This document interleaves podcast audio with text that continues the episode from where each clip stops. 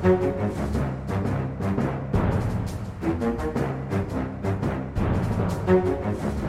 men Da er vi i gang med en ny uke med Aftenpodden. Og det er ikke hvilken som helst uke, får man si. Det er eh, en stor hyggelig anledning, for ikke bare sitter jeg her, Lars Klomnes, og vi har Trine Eilertsen fra hjemmekontoret sitt. Vi kan hilse på deg først, Trine. God dag, god dag. God dag, god dag. Eh, vi har også Kjetil Alstheim, eh, stjernesigneringen til Aftenposten, på plass i Aftenposten. Velkommen, Kjetil. Jo, tusen takk. Veldig gøy å begynne ny jobb, og så kan man ikke gå på jobben engang. Bare hold deg hjemme.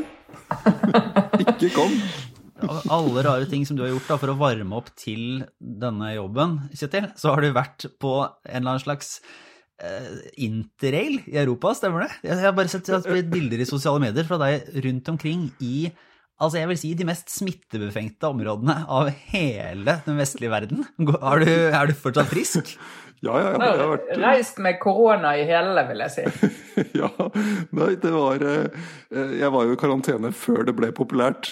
Sånn, men det, var ikke koronakarantene, men sånn jobbkarantene. Så jeg hadde fem uker jeg måtte fylle med, med ting jeg hadde lyst til å gjøre. Og en av de tingene jeg hadde lyst til å gjøre, var å ja, ta en tur til Sør-Frankrike og sparke liv i noen franske verb. Og så tenkte jeg at jeg skulle ta toget nedover, og så kunne jeg da ta toget via Milano.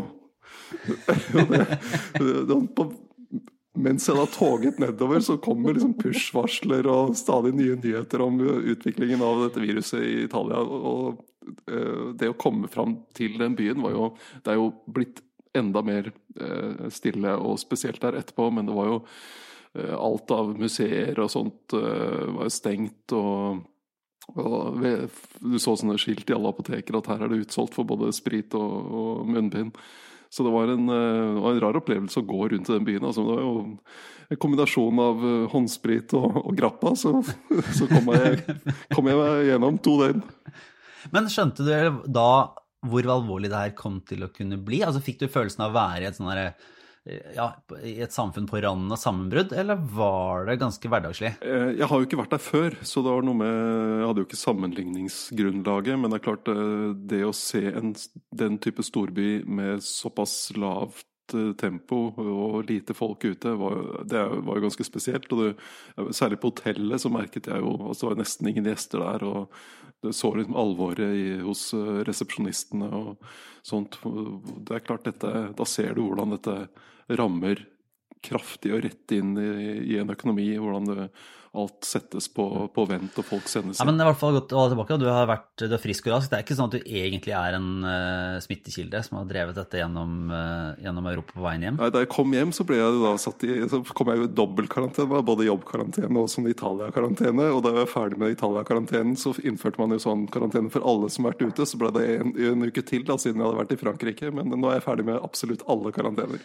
Nei, jeg får si, det har jo, det har i hvert fall det har kommet om bord på et, eh, et, et vel flytende skip i Aftenposten og, og, Aftenposten om dagen, styrt av nå Her må vi snakke litt om helt kjapt. Vi kommer videre til litt av politikken og, og de store debattene, men eh, først Den sorte enke Trine Eilertsen. For det er redaktørlivet ditt. Det er eh, tøffe tak, ass. Eh, fortell om ja. du start, da du starta i BT, så gikk verden nedenom, og nå ser det ikke bra ut nå, eller? Nei, de gjør ikke det. altså. Katastroferedaktøren er jo til navnet som jeg har pådratt meg. Det var, jeg startet jo i BT den dagen Lehman Brothers gikk konkurs i 2008. Så da stupte vi inn i en finanskrise som varte en, en god stund. Og annonseinntektene forsvant sånn Du kunne se pengene renne ut av huset med avbestillinger og alt som var. Og forsyne meg, etter eh, tre måneder i jobb, så er vi i gang igjen her. Det er Annonsekronene forsvinner, og vi lurer på hvordan, hvordan det skal gå. Men det, det, som er, det, som vi i hvert fall uh, gjør nå så vi, Den gangen der så var, hadde vi jo så mye på én gang. Altså vi, hadde, vi, måtte liksom kutte kostnader, nedmanne og holde på. Og nå holder vi ikke på med det. Nå lager vi bare masse, masse, masse journalistikk og jobber så rem og tøy kan holde. Fra hjemmekontor. Det er heldigvis bedre. Ja, eh, Men eh, skal vi se, hvordan er det vi skal eh, gå løs på dette her, da? Kjetil, hvis du skal si litt om, sånn du ser det da, fra disse doble og triple karantenene dine. Hvordan er det vi egentlig har håndtert dette så langt? Det, det er jo en situasjon Altså, det utvikler seg så fort, ikke sant. Vi får jo med, med kunnskapen og, og, utviklingen i smittetall, antall døde i forskjellige land. Så det er jo en sånn Det er tempo i det her gjør jo at man at det, det, er, det er jo bare det å henge med er jo utrolig krevende. Og så er det interessant å se hvordan hvor fort vi endrer oss i tilnærming til livet. Da. At, at folk begynner å altså Folk til, har tilpasset seg veldig fort. Du ser på hvor mange som har hjemmekontor, hvor lite folk det er i gatene. Og også hvordan man uh, begynner å være sånn uh, hva skal vi si, koronapoliti overfor hverandre. Og begynner å bli sint på jogger eller bli sint på de som er tilfeldigvis er litt for nær deg i butikken. og det er, det er sånn, man får frem noen, både en dugnadsånd og noen litt sånn usympatiske autoritære trekk. da. Jeg synes det var interessant. Det var faktisk min kjære mor, som jo er veldig sånn Følger regler og er ansvarlig, men, men kom på jeg kom på en tanke som jeg delte litt. Var det, hun var litt sånn skeptisk når det kom den der forbudslinja, og det ble så, så veldig sånn strengt at nå skal du gjøre det, og det er forbudt å gjøre noe annet. For det er mye mer behagelig å ha den Altså behagelig, men mye mer sånn positiv følelse rundt det å ha en dugnad og stå sammen. Og så når du begynner å ha faktiske regler, og dette er forbudt, og det kan du ikke, og eh, da kommer politiet og alt mulig rart, så begynner folk å bli Enten opponerer man litt til det, eller så føles det ikke som at du på en måte gir noe eller er spesielt snill.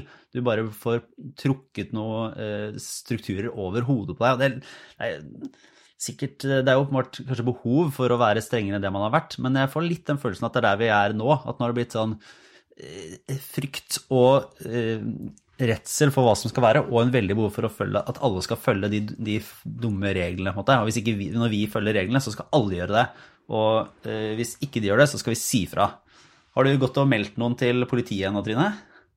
Nei, jeg, jeg, har, jeg, har, ikke det. altså. Jeg har ikke helt det genet. Men samtidig så merker jeg jo at altså, Jeg tror mange, jeg og mange med meg tenker at dette er en så stor belastning for så mange at hvis ikke nå alle skjerper seg og gjør det vi blir bedt om å gjøre, så vi blir ferdig med det her, så vi ser effekt og blir ferdig med det her. Eh, så blir, du blir veldig provosert over at noen liksom tillater seg å tenke at ja, men i og med at alle er hjemme, så kan jo jeg være ute. Altså, så at I og med at alle ikke drar på hytten, så kan jo jeg dra på hytten, for det er jo ingen på fjellet.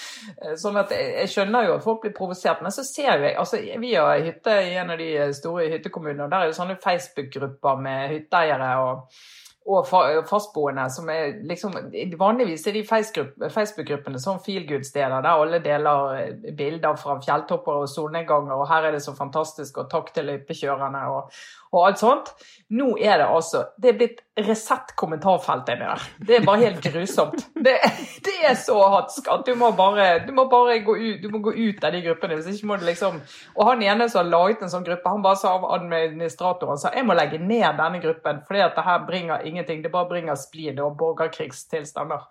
Men hva er, det, vært... hva, er det de, hva er det de fyrer seg oppover? Er de uenige om reglene, eller hva, hva, går det på? Ja, nei, altså det er jo Av og til kan det være litt temperatur inni de gruppene som går på litt sånn brytes det godt nok, og hytteeierne hvorfor skrur de ikke av lysene på hyttene når de drar hjem og sånn, men det, det, tar ikke av, liksom. Det er sånn vanlig.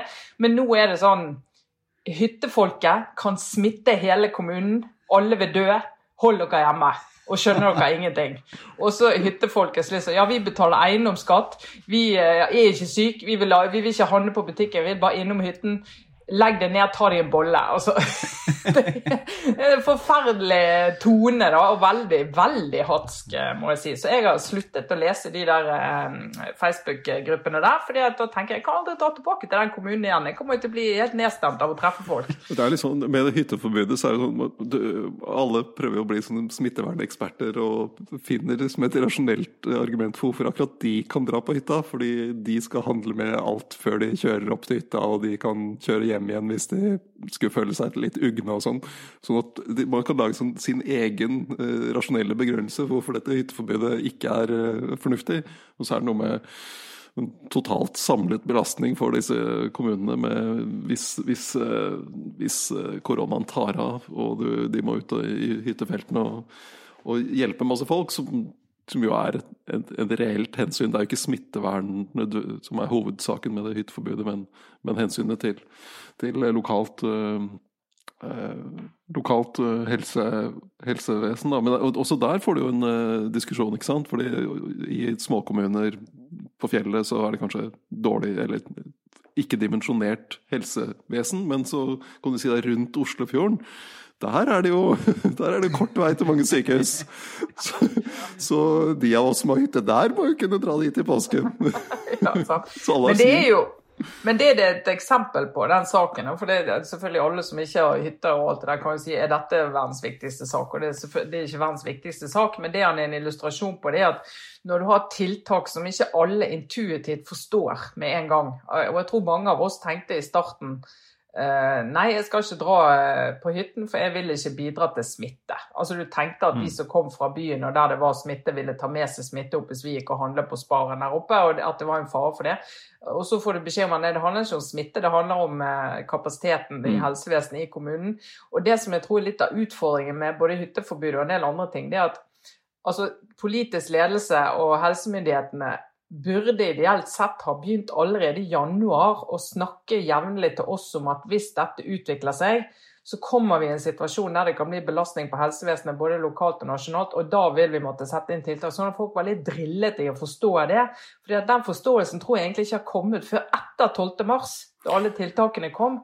For det, det, det, er nå liksom vi begynner å snakke om flatten curve og har snakket om det i to uker, og folk har det som sånn, og, og reproduksjonsrate og altså masse av det. Så kan du si at mm. folk at gehøret har sikkert ikke vært der på samme måte, men likevel så er det jo et lederansvar å forberede folk på den situasjonen ved å, å, å, drille oss litt i disse begrepene. Det, det, var jo litt diskusjonen rett før 12.3, mars når, når regjeringen kom med de, de drakoniske tiltakene. Var jo, da var jo diskusjonen om eh, da, da, var det jo bygd opp en sånn stemning om at her må vi faktisk gjøre noe. Og, så, og Erna Solberg ble beskyldt for å ikke vise lederskap, og det var uklarhet om hvilke råd man skulle følge osv. Så, videre. så da, da var det jo en stemning der for faktisk å sette inn tiltak. Mens i ute i februar og sånn, så var det jo en helt annen altså, Dette går bra, altså, det er bare influensa. Mange dør av influensa hvert år. Og, så, så det, hadde, det, skjedde et skift der som gjorde at uh, da de kom med de tiltakene 12.3, så var det faktisk en aksept for det. Du så bare på pressekonferansen, så var det jo ingen spørsmål som handlet om går disse tiltakene for langt. Nei. Mm. Nei, tenk det. Da var vi allerede drillet i det. Ja, ikke sant. Men eh, hvordan syns, eh, hvordan syns dere Erna Solberg har, eh, har, gjort det nå i etterkant, og, og egentlig hele altså regjeringen, hvordan de har framstått og håndtert dette? Har de henta seg inn igjen, så å si, eller er det Hva, hva tenker du om den, Kjetil? Du tenker på bortsett fra de som da har vært på Civita-fest og blitt smittet underveis? Skal ikke le av folk som har blitt syke, altså, men det er jo det er jo Civita som smittering er jo noe, noe litt spesiell funksjon for en tenketank. Borgerlig samling, ja. Ja, jeg syns jo det altså, De er, de er jo veldig, uh, veldig synlige i altså, Bent Høie særlig, men også andre statsråder når det, når det passer. passer. Erna Solberg selv er jo veldig tilgjengelig med disse daglige pressekonferansene og, og gå fra studio til studio for å, å informere og, og, snakke om politikken. Og det tror jeg er eh, helt avgjørende opp i en sånn situasjon. at de for nett, nettopp fordi det er, så, det er, så, mye som må snakkes gjennom og forklares og begrunnes. Og så er det ting Det er jo tiltak som man man lager jo politikken underveis her på veldig, veldig akutt, da. Der jeg tenker litt på at Erna Solberg, eh, når hun er sånn tydelig og konkret og rolig, så er hun jo veldig god. Så kan hun av og til bli litt sånn, eh, sånn nesten forretta over noen sånne spørsmål på de pressekonferansene som jeg det er litt overraskende at hun ikke tar seg liksom, puster igjen en gang til. Blir sånn spurt om, om uh, hvorfor hun uh, Jeg tror det er spørsmål om hvorfor hun ikke hadde, uh, hvorfor hun ikke hadde tatt en koronatest. Og så blir det litt sånn Ja, men nå skal du høre her, fordi at det sånn er reglene, og sånn. Og så, så blir det den derre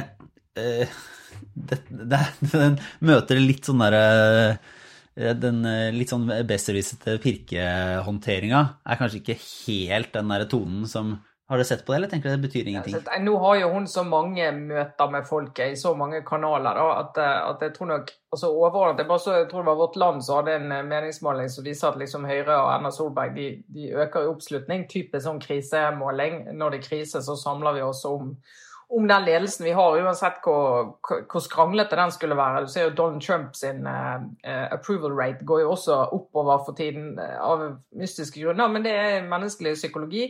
Uh, så jeg tror nok at hun har veldig mye å gå på i denne situasjonen, fordi folk er altså det, jeg tror folk, I ryggmargen vår og helt sånn i ubevisstheten så er det ok, noen må bare ta ansvar, de må gjøre noe. sant? Og så har du den, så er hun jo hun funker jo godt da når hun står der og skal være tydelig statsministeren. Ser du også det, det som skjer på Stortinget med øh, at du, det du har politisk debatt om, er øh, redningspakkene og selvfølgelig den fullmaktsloven.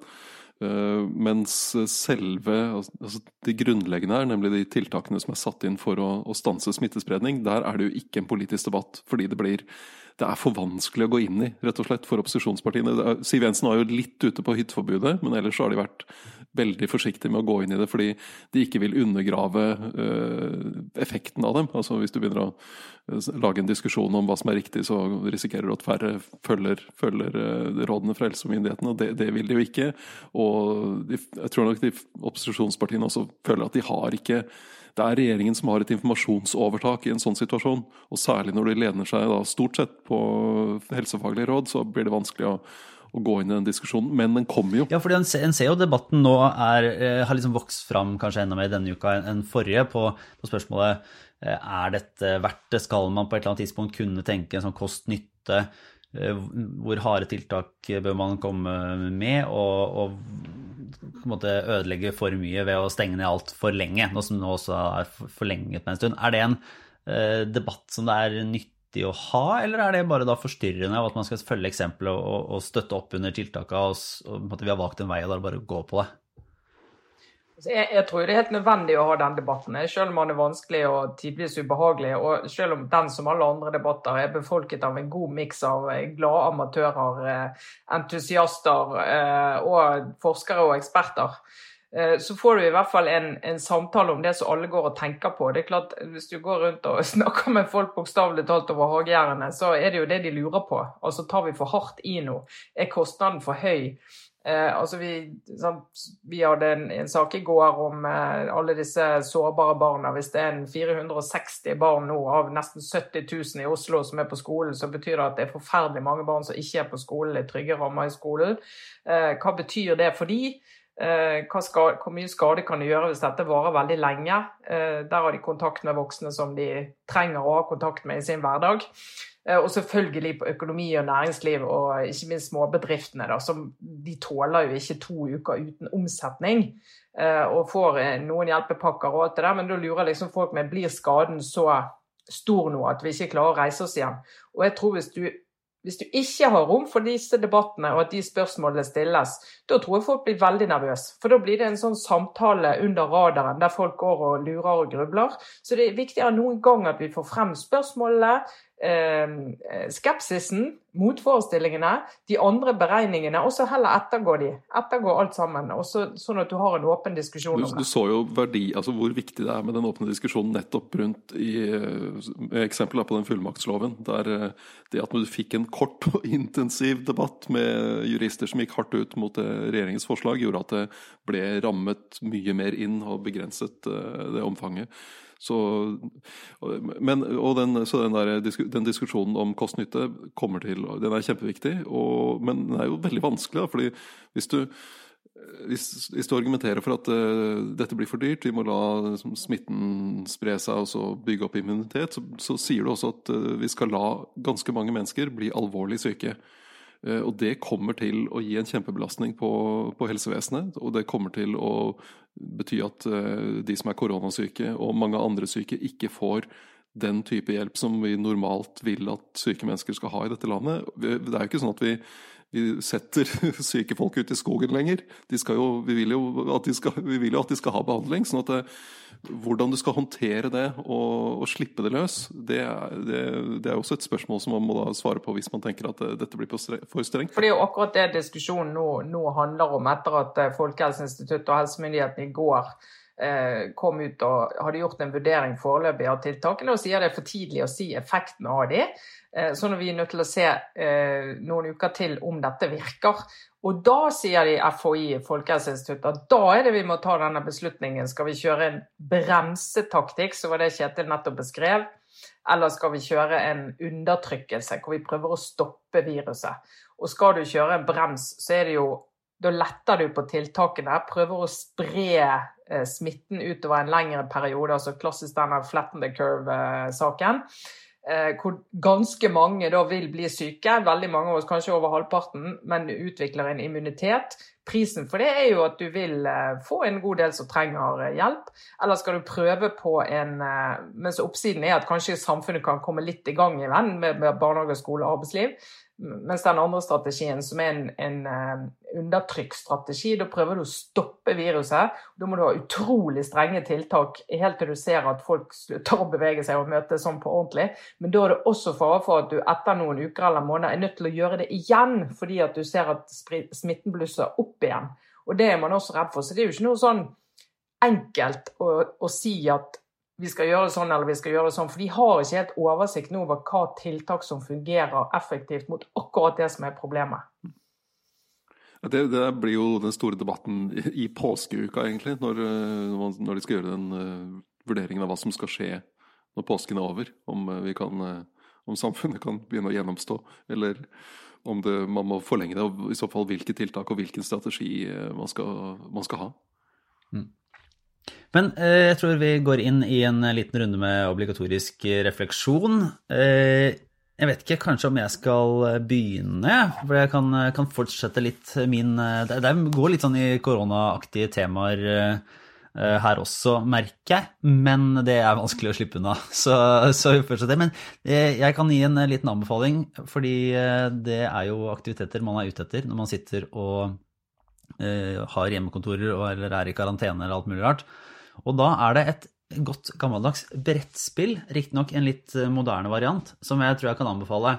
Som jeg har prøvd et par ganger, så jeg skjønner ikke hvorfor ikke Folkehelseinstituttet har, eh, har ringt meg. Men eh, spillet Pandemi, som rett og slett er et uh, brettspill der man jobber med å bekjempe utbrudd av, det er vel i dette tilfellet, ulike virus. Uh, og så er man alle på lag når man spiller. Det er kanskje det de bruker oppe i Folkehelseinstituttet når de skal lage strategien. De sitter der sitter og prøver å legge strategier. Men kommer det, kommer det spillet med sånn munnbind og, og, og antibac? Er det inkludert i pakka? sånn at du nå Foreløpig så er det ikke et sånn live, live rollespill, men, eh, men, det er eh, Nei, det er, det er faktisk gøy. da, sånn, Ok, skal du få dra til den byen her og kjempe det ned i en by. Det er foreløpig ikke noen variant etter det jeg har sett. Jeg har bare spilt det tre-fire ganger, og det var før det ble virkelighetsnært. Eh, og da, da er det foreløpig ikke Alt dreier seg da om en sånn slags undertrykkelsesstrategi. Uh, i du, du, Som jeg vet fra å ha spilt Pandemi på brettspill, så nytter det ikke å bare slippe det fri, for da tar det over, og det uh, blir helt krise. Så jeg vil ikke anbefale en sånn strategi på, uh, på brettspillet. Eh, andre... Assisterende helsedirektør Lars Glomnes. ja. og så vil jeg bare komme med en annen liten anbefaling, som, eh, som også er lenke til i eh, nyhetsbrevet som er ute nå. Eh, men det er altså Det spilles jo inn mye sånn forskjellig musikk og låter og alt mulig rart. Og flere har vel sett den derre Markus Neby, Else Kåss, La ilden lyse hva blir det, den eh, samlelåten, som for øvrig er et eksempel på en sånn ting som jeg ikke vil like, men som det er umulig å ikke bli sjarmert av. Så... Litt sånn som. Ja, ikke sant? For det bare, og nå har jeg jo riktignok blitt hva skal jeg si, mer liberal enn det jeg kanskje var i mine yngre dager, og mindre streng på hva som er eh, akseptabelt eller ikke akseptabelt å like, men det er fortsatt litt sånn småflaut når du sitter og blir varm om hjertet av å se den videoen. Men det omfavner jeg. Uh, og en annen liten det jeg skulle, egentlig skulle anbefale, er uh, gode, gamle Neil Diamond. Som har, uh, som har, lagt ut en liten video på, på Twitter og på YouTube. Der han Her kommer det litt av hvert, Lars. Ja.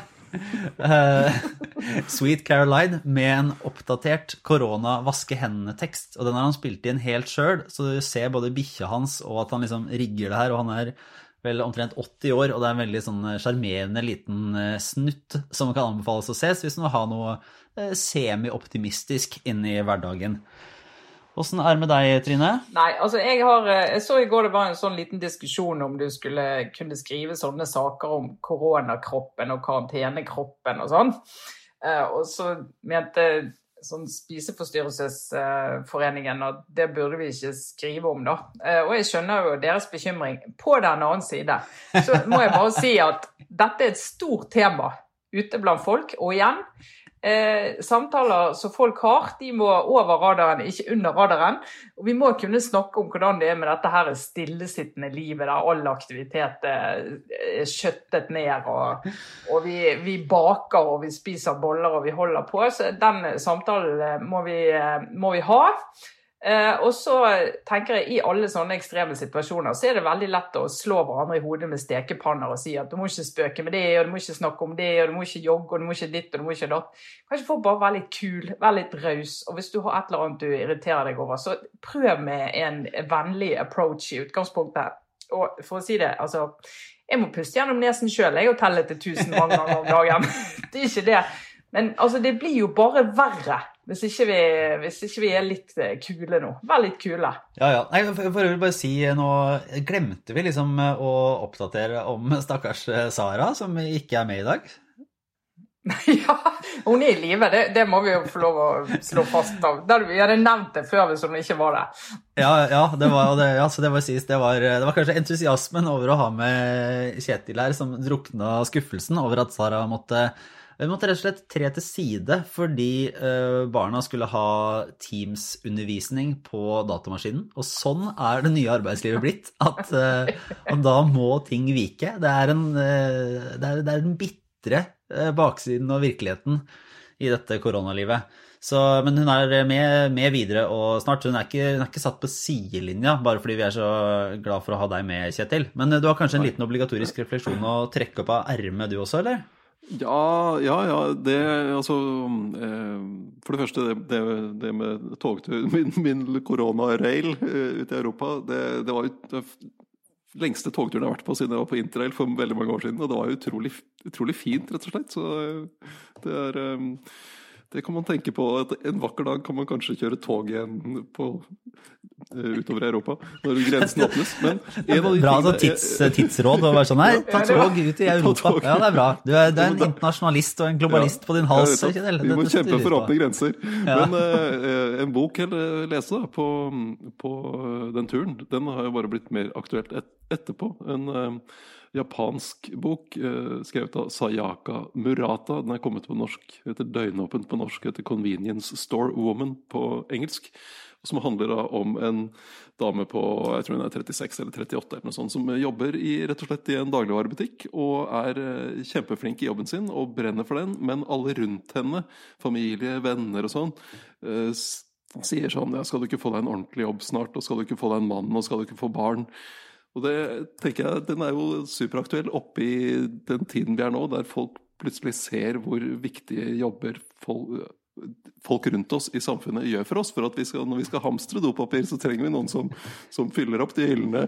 Og når du skal holde den butikken åpen sånn at de får mat, så trenger du folk som, som gjør den jobben. Og det, det, er jo noe av det, det, hele den situasjonen har gjort, eh, tror jeg. At man eh, oppdager plutselig hvor, eh, ja, hvor viktig vi er for hverandre for at det samfunnet her skal fungere. da. Så den boka er en artig liten bok. Verdt å lese. Ja, så bra. Det er jo et uh, veldig godt uh, lite tips. Uh, skal vi se. Det er vel egentlig det vi skal få med oss denne uka og dagen, tenker jeg. Er det, du er rett ut i det nå. er vi, I motsetning til tidligere uker, så spiller vi nå inn på formiddagen, ikke på kvelden. Det betyr at nå er det ikke mer å gjøre i den kriseledelsesbransjen, Trine?